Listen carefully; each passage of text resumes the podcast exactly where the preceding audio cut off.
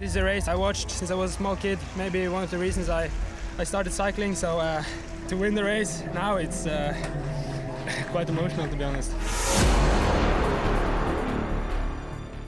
Da setter vi i gang. Da har eh, teknikeren her sittet på record-knappen, og vi kan ønske hjertelig velkommen til denne jubileumspodkasten for Arctic Race of Norway. For I år så er det ti år siden første utgave, og vi gleder oss enormt til den tiende utgave, som starter i Kautokeino 17.8, og som avsluttes på Nordkapp 20.8. Det kommer til å bli episk. Men mens vi venter på årets utgave, så eh, skal vi se litt på hva Arctic Race har betydd og blitt til gjennom disse ti årene. Vi er nå kommet til sjette episode, og vi har kommet til Narvik, som har vært eh, vertskap for Arctic Race of Norway tre ganger. I 2015, 2017 og 2019. Så her er det mye å ta av. Men vi skal også bevege oss ut av Narvik i dag.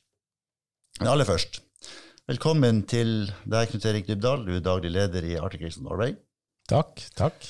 Og velkommen til deg, Tor Hushovd, tidligere verdensmester og første sammenlagtvinner i Arctic Race of Norway, og nå ambassadør for sykkelrittet. Jo, tusen takk. Og ikke minst, velkommen til deg, Dag Otto Lauritzen, som for mange er kjent som oberst i Kompani Lauritzen, men for oss mest kjent som tidligere proffsyklist, og for å lage herlige innslag på TV 2 om sprell som folk finner på langs eh, løypa. Takk for det. Det var hyggelig å få lov til å være med. Mitt navn er Roger Solheim, og jeg skal holde i trådene gjennom denne podkasten. Du, Knut Erik, ja. vi er i Narvik. Vi er i Narvik. Kan ikke du si litt om hvordan eh, Narvik eh, kom til deg eh, første gangen for å bli en del av Arctic Race-sirkuset? Ja, jeg husker veldig godt, og jeg tror nok at det var òg gjennom det som skjedde allerede i, i 2013, altså det folkelivet som Arctic Race skapte det, det første året. Og da var det egentlig òg mange som, eh, som ønska å komme på banen og ønske å være vertskap for sykkelrittet. Og jeg husker at i 2014 tidlig så kom det da en skriftlig henvendelse fra Narvik og fra sykkelklubben. og eh, Jeg husker han heter Alf, jeg vet han var eh, advokat. Han er vel blitt pensjonist nå. Der at de hadde sagt at man skulle da skape den mest ekstreme avslutninga på ei sykkelritt eh, noen gang, med at de hadde laga et prosjekt hvor at man skulle ha målgang oppe i Narvikfjellet. Vil si at vi skulle da kjøre, de skulle legge asfalt helt oppover og til det de kaller for Øvre Fjellheisstasjon. Der skulle det da være målgang. Og det var ikke bare altså, det var altså, det var på samme måte som vi har jobba med Arctic Race, entusiasmen og det som man skapte, og det som var rundt det, som òg gjorde at de virkelig ønska å ha denne målgangen, og vi visste at vi skulle til Narvik uansett, så dette måtte vi fortelle mer om. Og Vi snakka jo med våre partner i, Frankrike, som da var de som da sto for det sportslige. Ville det være mulig å kunne ha en målgang, og med alt utstyret som eventuelt måtte opp i fjellet for å ja, kunne organisere alt? Og der lovde de at de de, de fem kilometerne oppover til, til fjellet fra bunnen og oppover, så det ville være ei grusom stigning opp. Der skulle de legge asfalt, de hadde fått kalkyler på hva det ville koste, og skulle liksom virkelig gjøre det. Og jeg husker at vi kom for oss å se på, på, altså på den avslutninga og de franskmenn som vi hadde med oss. Og når de kom hit og kjørte oppover her, så tenkte jeg at ja, det, det, det er mye galskap som skjer, men dette er kanskje hakket over det vi burde gjøre akkurat nå. Men gjennom eh, den entusiasmen som det var med at man ønsker å ha målgang opp i fjellet, så ble det da laga ei, fantastisk grunnløype her i, i Narvik eh, sentrum, som er, er kjempekrevende både fra bunnen, hvor den starter med havet, og til at den kommer opp i den øvre delen av bebyggelsen i Narvik, og før at du da kommer tilbake igjen og ned til, til sentrum. Så eh, det var en det var en enorm entusiasme fra folk i Narvik, og de virkelig tilrettegjorde og, og sørga for at vi hadde en, en, god etappe i Narvik. Så både starta her, han sykla ut av Narvik sentrum, og vi sykla mot uh, Ballangen, og vi hadde oss en, en, runde før at vi da kom tilbake igjen og, og avslutta med, med, fire runder i, i, Narvik sentrum, til et uh, helt fantastisk uh, folkeliv. Vi skal snakke litt mer med Rune Edvardsen, ordfører i Narvik, eh, senere om, om, eh, hvordan han tenkte når han kom med denne kanskje litt ville ideen om å sykle helt opp eh, eh fjellanlegget. Men jeg vil også høre med deg, Tor. I 2015 så var det, det var det første året du ikke sykla sjøl, men du var med her likevel, men da som ambassadør. Hva er dine minner fra, fra den tida? Jeg husker det kribla spesielt. Det var liksom, eh, som du sier, Roger, første år ikke eh, hadde starten på ryggen. Hadde lyst til å være med. Det var fortsatt litt følelser i bildet. Men når vi kom inn, altså kom til Narvik, den stemninga, det var godt vær, etter hva jeg husker. Ja, det virka liksom som at hele byen hadde gleda seg. og Så ble det jo et vanvittig sykkelløp. og Det er jo det Narvik har vært flinke til, den avsluttende runden som jeg har sett flere ganger. Det, det er vanskelig å forutsi hvem som blir vinneren, for det er såpass teknisk krevende. Den er eh, både hva gjelder sving og utforkjøring. Også den inneholder det meste. selvfølgelig En eh, skal opp noen høydemeter, så den er altså, fysisk veldig krevende òg. Så en har sett uh, løp. Det har kommet inn én og én rytter og en litt større gruppe, spesielt da uh, 2017 da Dylan Tynes vant. var en litt større gruppe, så Det er veldig vanskelig å forutse. Det er det som gjør et Eh, sykkelløp underholdende, og ikke minst løpet i Narvik veldig underholdende. Narvik er jo eh, Malmbyen og rallarbyen i, i, i Nord-Norge. og eh, Jeg mener å huske Dag Otto, at eh, du fikk eh, en eh, ekstra liten oppmerksomhet i, i 2015 i, i, den forbindelse. Kan, kan det stemme? Ja, det stemmer veldig godt. Eh, jeg må jo være enig med Tore med det der folkefesten alltid som alltid har vært i Narvik. Det er fantastisk. Hele Nord-Norge. Så alle de åra vi har vært der oppe, for meg går jo egentlig i en felles film. Men spesielt husker jeg at uh, hva det er, og gamle Kaggis, uh, Johan Kaggestad ble utnevnt til æresraller. Uh, så det var jo et stolt øyeblikk, og, og helt spesielt. Hvordan, hvordan ble Arctic Grace tatt imot av publikum i, i Narvik? Knut Erik? Nei, det var et uh, fantastisk folkehav. Jeg uh, husker veldig godt at uh, E6-en var stengt.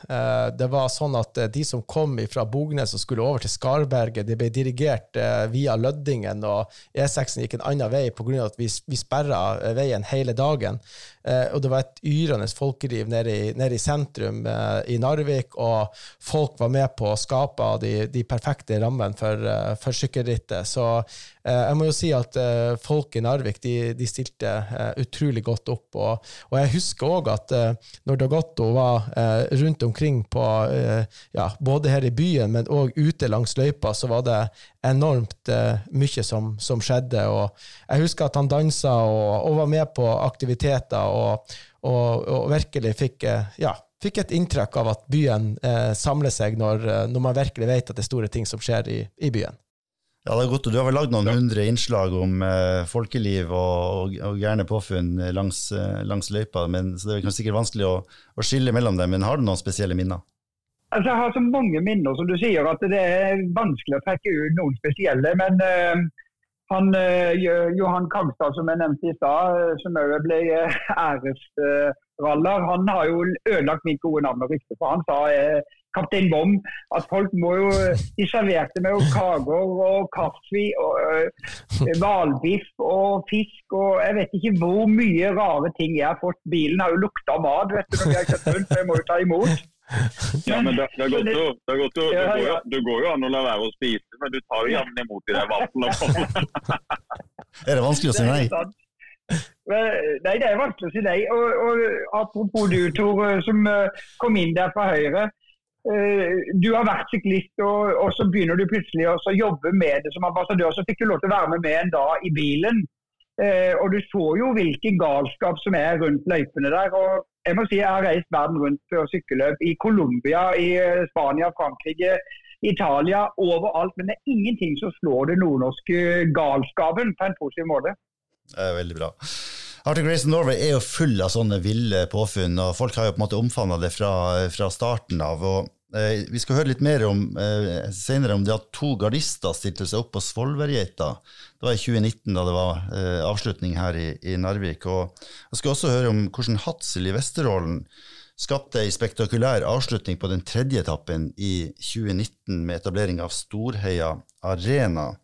Og vi har med oss her eh, Siv Dagny Aasvik, eh, du var ordfører i Hadsel i 2019. Kan ikke du fortelle oss litt om, om det som, eh, som skjedde da?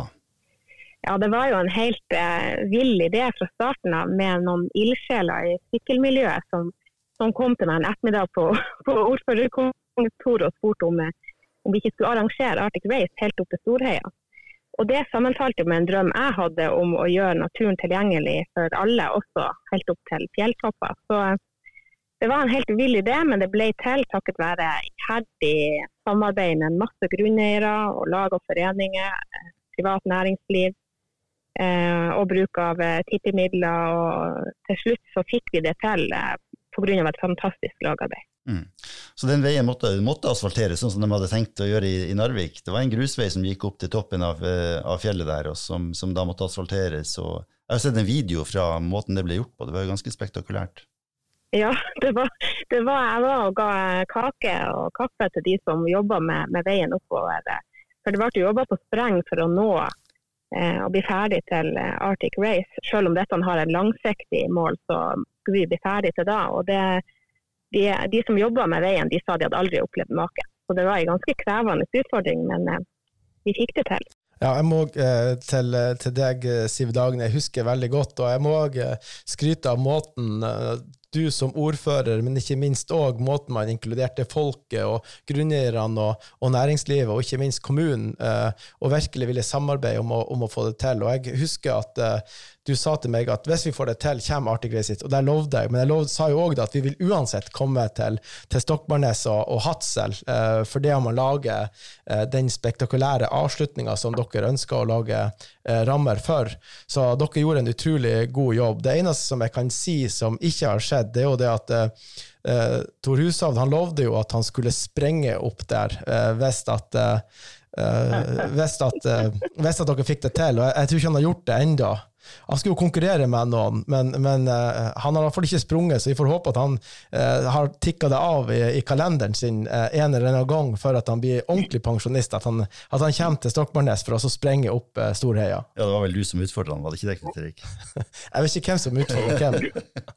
Nei, det var, det var jeg som utfordra Knut Eirik på lokalradioen. Jeg bare kom på det sprellet på direkten der. Og så, så, er det jo Knut Eirik som litt sånn styrer jeg kaller liksom Han styrer med eliten her der oppe. sånn at uh, Jeg har ennå ikke fått det tilbudet, så jeg vet ikke hvem som holder igjen. Men konkurransen var sånn at den som tapte opp, uh, måtte bade i uh, ja, i en I havet. I en havet. Nei, det var sånn Borat bo, det, det kan hete Borat eh, badedrakt, var det ikke det som var, var tiltenkt? Ja, ja, eh, vi, vi, har nå, vi, har nå, bestemt at uh, vi skal være tre stykker som skal kappløpe opp. Det er med Knut Erik og Dag Otto Lauritzen. Nettopp. Tar du utfordringa da, Otto? I hvert fall jeg starter lag foran. Nei, men Dag Otto, du kan få bruke sykkelen. Elsykkel. Nei, sykkel. Ja, ja, ja. Ja, ja, ja. Nei, men, men, men, også sånn Storheia som, som det var. Og, og, jeg er ganske sikker på at uh, det har gått, og du husker Storheia veldig godt uh, når du kom kjørende oppover denne her fjellsida som bare ja, er et stort fjell og har en fantastisk utsikt med masse folk som sto uh, langs løypa oppover. Ja, det, det, er jo, det er jo sånn som jeg har nevnt i flere andre etapper, men det var jo magisk. Altså, det ble liksom som å komme opp vårt vann 2. Altså, mm en norsk variant der. Eh, så jeg husker jo veldig godt. Og det var vel var det Eiking som vant der? Ja, stemmer. Stemmer. Ja, Ja. og det, og det, var jo bratt, og det var jo eh, ufyselig, men masse folk og en kjempe folkefest. Og så er det jo ekstra gøy at en nordmann fordi at Den nye generasjonen syklister som dere ser nå, eh, har begynt å springe fram. De er litt annerledes enn Tor Hushovd og Alexander Kristoff. Nå, nå, har vi fått ganske mange klakker. og Det var veldig gøy at Eiking eh, fikk vise der. og Fantastisk moro å se hva de er villige til å gjøre i Nord-Norge for å få det her sykkelløpet til å bli et skikkelig bra løp. Både veimessig standard og alltid publikum og den galskapen som er rundt. Hva tenkte du si, Dagny, da du så eh, publikum som slokka seg sammen der oppe på toppen, og kanskje du så TV-bildene også? Ja, det var, helt, eh, det var helt ubeskrivelig. Og det var jo så mange tusen. Vi hadde tenkt vi skulle prøve å ta i telling, men det var helt umulig. Det kom jo folk opp fra via alle stier, i tillegg til at vi kunne få mange opp til fjellet som ikke hadde vært på fjellet på sånn over ti år. Hadde ikke kommet seg opp, og Takket være vi har fått en ordentlig vei, så kunne vi kjøre de opp. En del hadde også prøvd med, med rullestol på forhånd og kom seg opp da selve dagen. Og, og, folk i alle aldre. Folk over, over, 80 år var de eldste vi vet vi hadde der oppe. Det var helt fantastisk. Men så er det noe som står for meg som det jeg husker kanskje mest fra den dagen. For eh, alle eh, klubbene i, i Vesterålen arrangerte et rulleskirenn i forkant av at syklistene kommer opp. Og det synet av hun, Isabel Valen som satt på sitski og staka seg veien opp, hele veien opp. Eh, og folk som sto og klappa henne fram på slutten der, det er noe av det sterkeste jeg har opplevd noensinne av sportsøyeblikk. Mm. Ja, for det Så det var, det var stort å få opp syklistene der, men akkurat det det betyr at da visste jeg at vi kan være med og, og gjøre endring over tid. ja, for det er en arena som kan brukes til, til ulike ting. Det er ikke bare et, et, eh, engangs, en engangsarena for Arctic Race of Norway. Nei, det, det er veldig viktig. I dag det brukes både av eh, sykehjemmet til eh, løp og konserter. Det brukes til å sykle opp med, med elsykler og vanlig sykkel, og det er en treningsarena for, både- for lag og foreninger. Både profesjonelle som, som trener i, først trener i stillhet og, og, og i trygghet og i fantastiske rå omgivelser, men også for amatører. og og det kjøres også opp med rullestol, men det krever jo litt for det som stigning, så man må i hvert fall ha, jeg, ha et batteri til, for å si det sånn. Mm, veldig bra. Da sier jeg tusen takk for at du var med oss i dag, eh, Siv Dagny, og eh, ønsker deg lykke til videre med det du holder på med. Nå skal vi videre i sendinga, videre i programmet her, og snakke om dette eh, vanvittige stuntet som Hans Majestet Kongens Garde sto for i 2019, da den plasserte to gardister eh, på toppen av, av det, disse hornene på, på Svolværgeita. Og vi har med oss eh, Vegard Flom, du var sjef i Garden på den tida. Det stemmer. Mange lurer sikkert på eh, eh, hvordan, dere, hvordan i all verden dere kom på det her eh, påfunnet. Kan du si litt om bakgrunnen for det? Du, den ideen kom egentlig ganske spontant. eh, Etter, jeg tror jeg hadde snakket med Knut Erik eh, på hvor eh, løypa, løypa skulle gå. Når vi fikk vite at det var i Lofoten og med målgang og, og sykling rundt, rundt Svolvær, så, så var det da, da skulle jeg ha to gardister opp på, på Geita. Så eh, når jeg presenterte det for, for Knut, Erik, Knut Erik, så var jo selvfølgelig han helt med på det. Um, og syntes det var en kjempeidé. Um, så da, da var det egentlig bare å begynne å planlegge med å, å sørge for at det der, det der fikk vi til.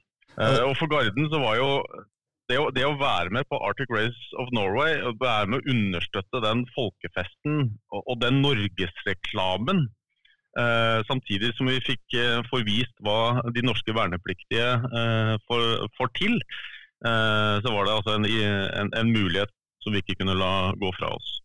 Mm. Ja, Mange har sikkert sett de helt fantastiske TV-bildene med helikopteret som, som kretser rundt eh, de to gardistene som står der. Du ser hvor bratt det er, og hvor langt den er. og Det er, det er, vel, det er vel en kirkegård som ligger nedenfor Solveita, hvis jeg ikke tar helt uh, feil, som, som setter litt i perspektiv. Um, men, men de to som sto der, meldte de seg frivillig, eller ble de utkommandert? Nei, eh, frivillig og frivillig. Altså, vi, spør jo selvfølgelig om frivillig. eh, og da er det jo veldig mange hender som, eh, som er veldig, fri, veldig, veldig villige til å gjøre sånne ting. Eh, det som var morsomt der, det var at vi, vi, vi plukket ut eh, de to eh, desidert flinkeste eh, gardistene. Eh, en eh, som kom fra eh, drilltroppen, og ei som eh, var musikansk, eh, eller eh, musikant. Ingen av dem har noe klatreerfaring, så jeg tror de visste vel ikke helt hva de sa ja til når eh, jeg spurte om det var noen frivillige som skulle være med på Geita. Men hvordan ble sikkerheten ivaretatt da?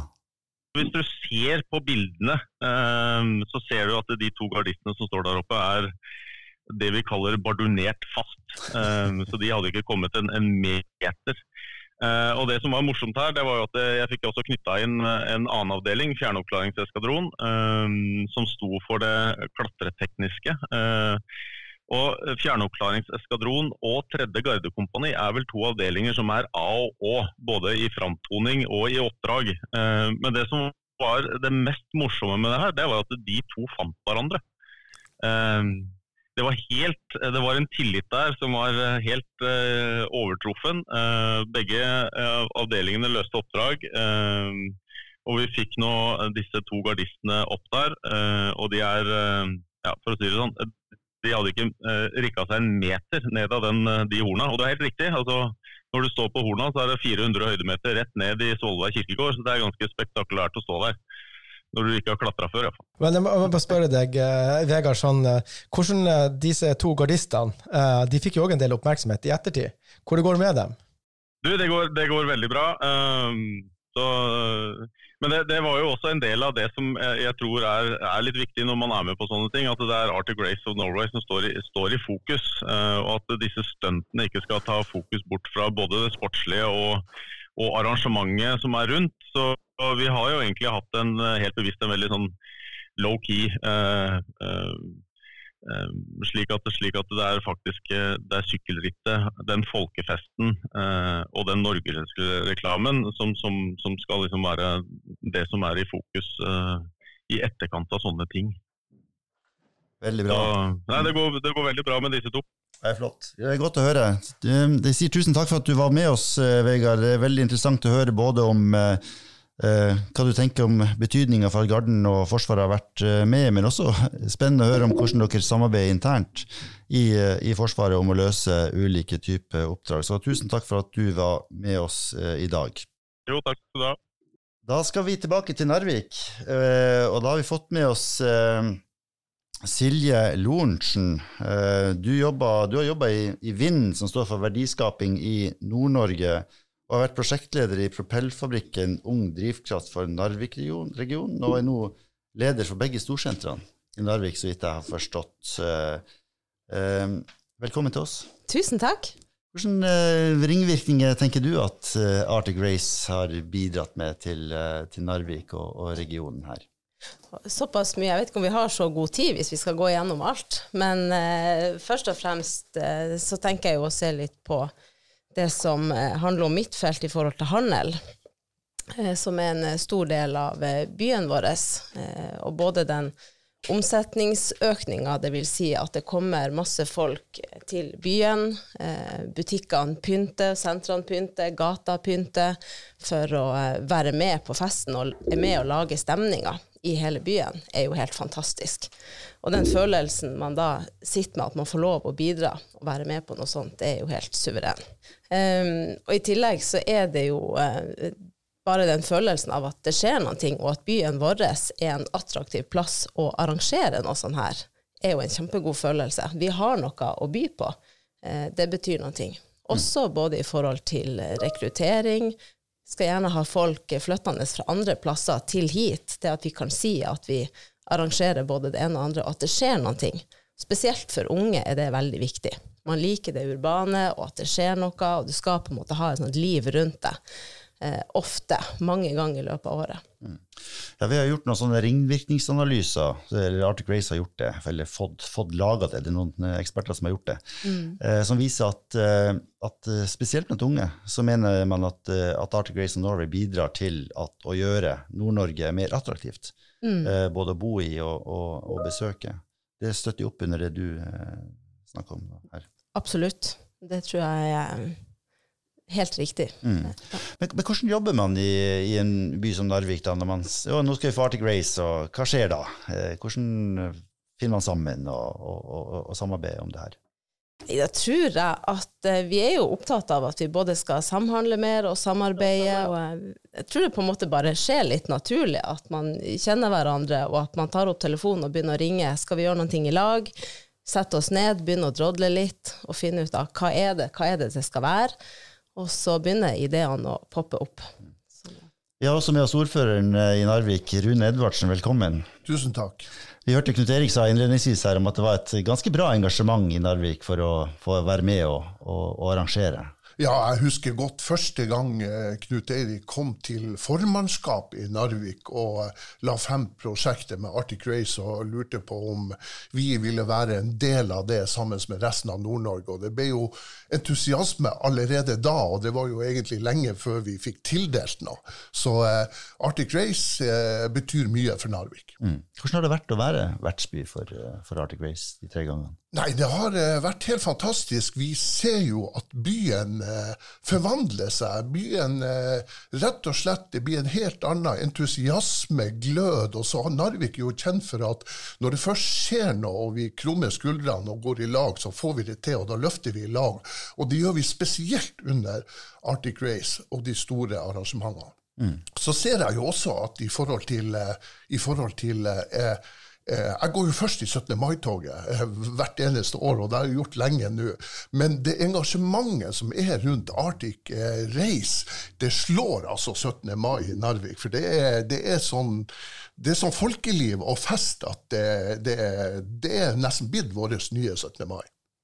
Ja, og det er også sånn, Rune snakker jo nå om, om, om, eh, om folkefest og stille opp, eh, men jeg må si også at eh, i Narvik så har man virkelig vært med og bidratt til å kunne løfte arrangementet på en måte som gjorde at vi, kan, vi kunne gjøre For jeg husker òg at for kommunen sin, sin, del i 2015 så var det en del fartsdumper som var nedover veien når vi da kom fra øverst i boligfeltet og nedover. Men det sa kommunen på at uh, her skal vi gjennomføre et sikkert sykkelritt, og vi tar på oss det å, å, fjerne dem som at vi kan gjennomføre. Så dere har alltid stilt opp og alltid vært positive til å tilrettelegge for et godt sykkelritt òg. Uh, ikke bare folkefesten, men òg kunne ha et godt og, og trygt sykkelritt. Ja, det stemmer det. Og jeg husker veldig godt vi gjorde en del investeringer, bl.a. fartsdumper og, og trafikkøyer, som vi gjorde om som at vi kunne altså, ha regulariteten til oss å ha det i fremtida òg. Så det var en investering for, for, Arctic Race og for oss i fremtida.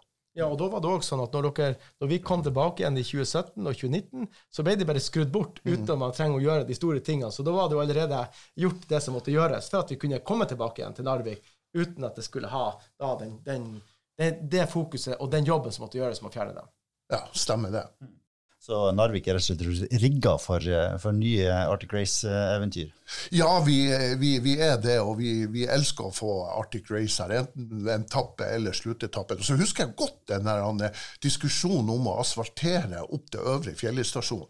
Den ligger jo på 650 meter høy, og det har jo vært en en sånn eh, tursti gate for Narvik-folk i alle år. Så etter den ideen kom fra Narvik sykkelklubb, da, og eh, så ble, det var litt kontroversielt, det husker jeg. Vi måtte aldri ødelegge fjellet på det ene og det andre. Men, men eh, vi fant jo gode løsninger som vi er fornøyd med, både vi og Arctic Race. Men, men tror du, Rune, at vi kan ha en målgang en gang i framtida oppe på Øvre Fjellestasjon?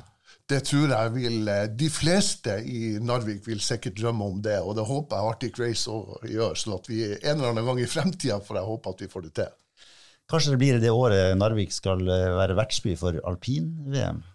Fordi at dere er jo nå Norges kandidat til å bli eh, til å arrangere eh, VM i, i alpint. Eh, og det kan jo bli et eh, stort arrangement, vet vi. Er verdens nest største vintersportsarrangement, faktisk.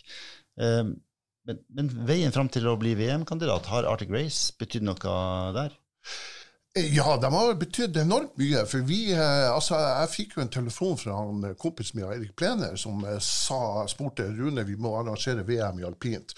Så eh, dagen etterpå så ringte jeg tilbake til han og sa ja, eh, nå kjører vi. Og så satte vi oss ned og diskuterte hva må vi gjøre for å få det til. Og da var jo det viktigste var jo å få med oss de beste arrangørene og partyfikserne i Nord-Norge.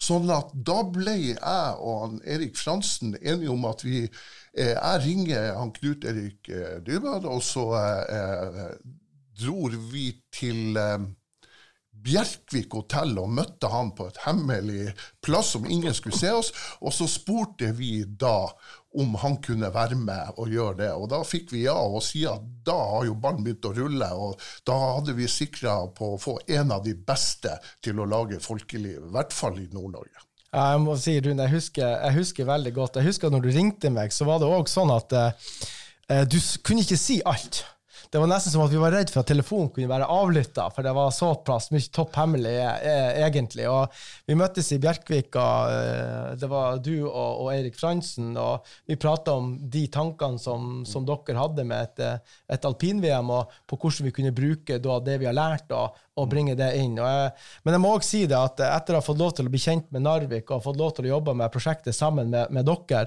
så er jeg òg veldig imponert over måten Narvik gjennom vintersport og alpint eh, da spesielt har liksom jobba og vært vertskap for utrolig mange arrangementer, både nasjonale eh, og internasjonale aktiviteter, og bare blitt eh, bedre og bedre. Så det, det viser seg at en ting er at man skal arrangere et VM, og det er en del ting som må på plass for å få det til. men dere kan jo arrangere, dere vet jo hva det vil si. og Det har vi fått kjent på i Arctic Race, og det gjør dere jo òg veldig godt som, som by, og, og, ikke minst eh, klubber som er med og bidrar. Ja, Vi har jo hatt en god arrangementskompetanse i Narvik. og Oppe i fjellet her så begynte man jo i 57 med de store arrangementene infraalpint. Så eh, der har vi mye å bidra med. Men eh, det er klart det, eh, det, at man har klart å samle hele Nord-Norge til å bli enige om et arrangement, det er jo første gang i historien. Jeg vet ikke om det har skjedd før, men jeg tror ikke det kommer til å skje så mange ganger. Sånn at der har vi vært eh, både heldige og dyktige som har klart å få med oss resten av Nord-Norge på det her. Veldig bra. Silje, hva tenker du om, om framover, da? Om Arctic Race og, og, og, Narvik. Hva tror du at Arctic Race kan brukes til framover? Og det er jo eh, mye, det. Men jeg tror òg det at vi har så mye arrangementer som vi nå begynner å få, gjør òg at vi eh, tilegner oss en ganske god kompetanse både gjennom dugnadsarbeid, eh, og at folk, med en gang det kommer en beskjed at nå skal det skje noe, så skrur det seg på en bryter, og alle begynner å tenke hva kan jeg gjøre for å bidra til at dette skal bli en suksess? Og det er det som er litt artig, føler i hvert fall jeg på i denne byen. At alle har lyst til å være med og skape den suksessen. Dag Otto, du har jo vært i Narvik, men da med, med sykkelen da på sommerstid. Eh, tar du utfordringa med å stå på ski ned Narvikfjellet til, til vinteren? Ja, det gjør jeg, hvis jeg klarer å få det inn i en ganske tett timeplan. Eh, jeg digger jo Nord-Norge generelt, og jeg syns jo Narvik er absolutt eh, et fantastisk sted de gangene jeg har vært der oppe. Så jeg liker å gå på ski, men eh, hvis det blir for bratt, så kan det godt være at du og Tore Husholm kjører fra meg hvis vi skal kjøre sammen. Men du kan jo ta ordføreren med i alle fall? ja, det kan godt være. Mener du at uh, du er kjappere enn han? Uh, nei, tvert imot. Jeg tør ikke å utfordre noen. Jeg vet, jeg vet jo at Narvikværingene de er jo verdensmestere i både det ene og det andre, så jeg vet ikke om jeg tør å ta, ta de utfordringene. Men jeg ser at ordføreren står her og smiler, i alle fall. Uh, ja, det er bra. Ja, det er bra. Uh, men så kan vi òg si at inn med VM nå, så er det jo òg sånn at man kan si at man bruker kompetanse. Men Tor, du er òg med og, og bidrar til, til VM nå, og den avgjørelsen som skal gjøres til neste år i, i mai.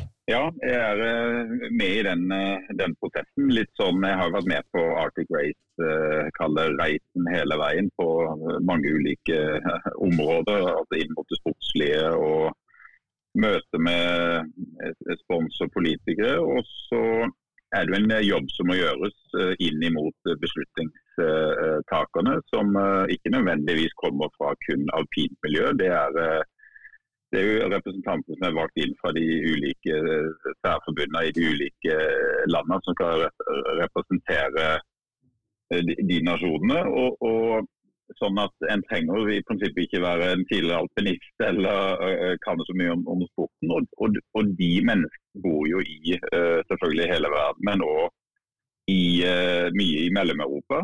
Jeg bor jo her nede, og da er liksom veien ganske kort til de, og Da, jeg, da er liksom ansvaret for å kalle det budbringer med, med, all informasjon som kommer fra Narvik eh, og, og, den prosessen til, eh, til de beslutningstakerne som sitter i Konsil i, i FIT. Så Det er en veldig spennende prosess, en prosess som jeg er stolt av å, å være med. Så Da blir det litt sånn å, å treffe de, eh, påvirke de, komme med oppdatert informasjonsflyt, og så håpe at vi får nok stemmer til at eh, eh, Narvik skal arrangere alpin-VM i 2029. Eller det er det som skal skje. Det er målet mitt. Og mange andre. Rune, helt til slutt, hva tenker du om det Tor sier her? Det, det, er godt å høre at vi har så mange gode ambassadører og som jobber så godt for Narvik og VM i alpint. Nå er det jo sånn at vi søker for 2019, da søknaden skal være inne i mai 2024. Så får vi håpe at Eh, Erik Røste har rett, som sier at det aldri er spørsmål om Narvik får VM i alpint, det er bare spørsmål om når. Og så syns jeg det er artig å høre på han eh, Tor Hushovd, for han, han, kan brukes til ganske mye. For når vi hadde restaurert rådhuset, og det har vært stengt i mange, mange år, så var han faktisk med og åpna det, for han kom syklende med saksa frem til meg opp på podiet, så jeg fikk klippe av der. Så det var en liten fun fact i det, da. Ja, Det er godt å høre at proffsyklister kan brukes til, eh, til, mye. Men nå skal vi gå inn for eh, landing her. Jeg har en følelse av at vi kunne holdt denne samtalen gående eh, i lang lang tid, for det er mye å, å snakke om. Men uh, tida vår er snart ute. og Vi har hørt at det var folkefest i, i Narvik med, med, mye folk. Neste episode skal vi til Mo i Rana, Knut Erik. Ja, neste episode er, er Mo i Rana. Og Mo i Rana tilbake i 2016, de hadde da start på den andre etappen. og jeg tror aldri jeg har opplevd så mye folk på en start under Arctic Race som jeg gjorde i Mo i Rana i 2016. Ja, Det og mye mer skal vi få høre mer om når vi setter oss ned hos Rana Blad i neste episode. Tusen takk til Fremover, som har vært vertskap for, eh, for denne episoden. Og, og, selveste redaktøren, eh, ansvarlig redaktør Kristian Sending Andersen, som har vært eh, teknisk ansvarlig for, for denne episoden. Og ikke minst takk til alle som har vært med. Heng med, så møtes vi i Mo i Rana om litt.